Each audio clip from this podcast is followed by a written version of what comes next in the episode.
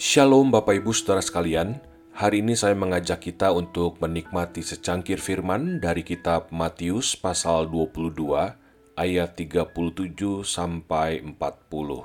Dengarkanlah firman Tuhan.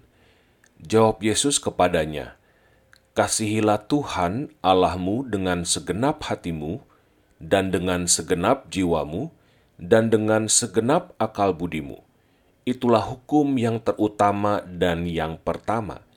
Dan hukum yang kedua, yang sama dengan itu ialah, kasihilah sesamamu manusia seperti dirimu sendiri. Pada kedua hukum inilah tergantung seluruh hukum Taurat dan kitab para nabi. Berbahagialah setiap orang yang mendengarkan firman Allah dan yang memeliharanya. Haleluya! Tentu sebagian dari kita sudah sangat hafal isi dari hukum kasih ini. Hukum kasih ini Yesus jelaskan ketika ia ditanya, "Guru, hukum manakah yang terutama dalam hukum Taurat?" Hukum Taurat itu oleh orang Yahudi dijabarkan menjadi 613 hukum. Lalu dari 613 hukum ini, mana yang paling utama, Yesus? Jawab Yesus, Kasihilah Tuhan Allahmu dengan segenap hatimu, segenap jiwamu, segenap akal budimu, dan kasihilah sesamamu manusia seperti dirimu sendiri.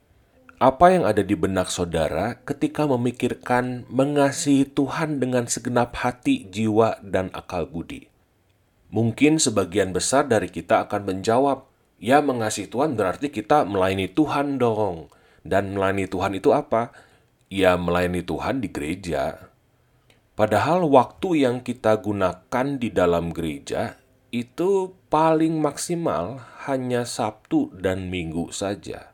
Jadi hanya dua hari dari tujuh hari yang kita punya setiap minggunya. Lalu apa ini berarti kita hanya bisa mengasihi Tuhan di akhir minggu?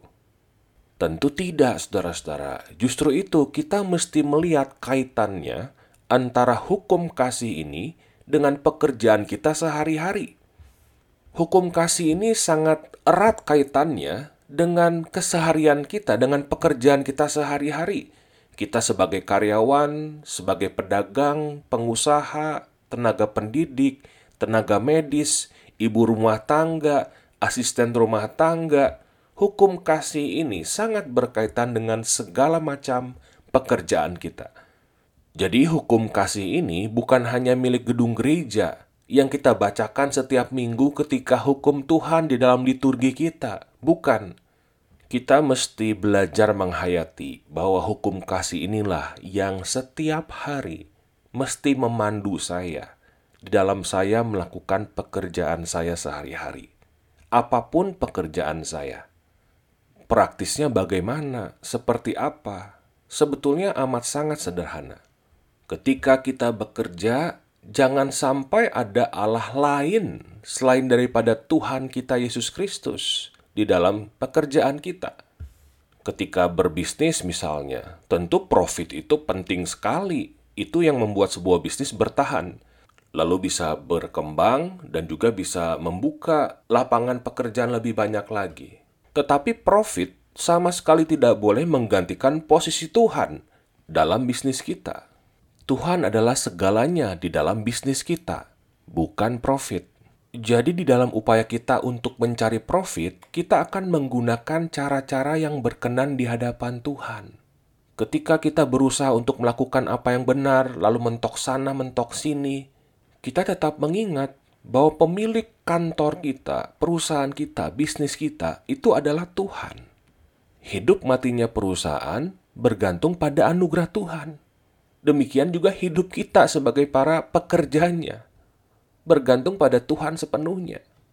Itu salah satu contoh bagaimana kita bisa menghayati kaitan antara hukum kasih dengan pekerjaan kita sehari-hari, yaitu hukum kasih aspek yang pertama, kasih kepada Tuhan. Bagaimana dengan aspek yang kedua, yaitu kasih kepada sesama kita?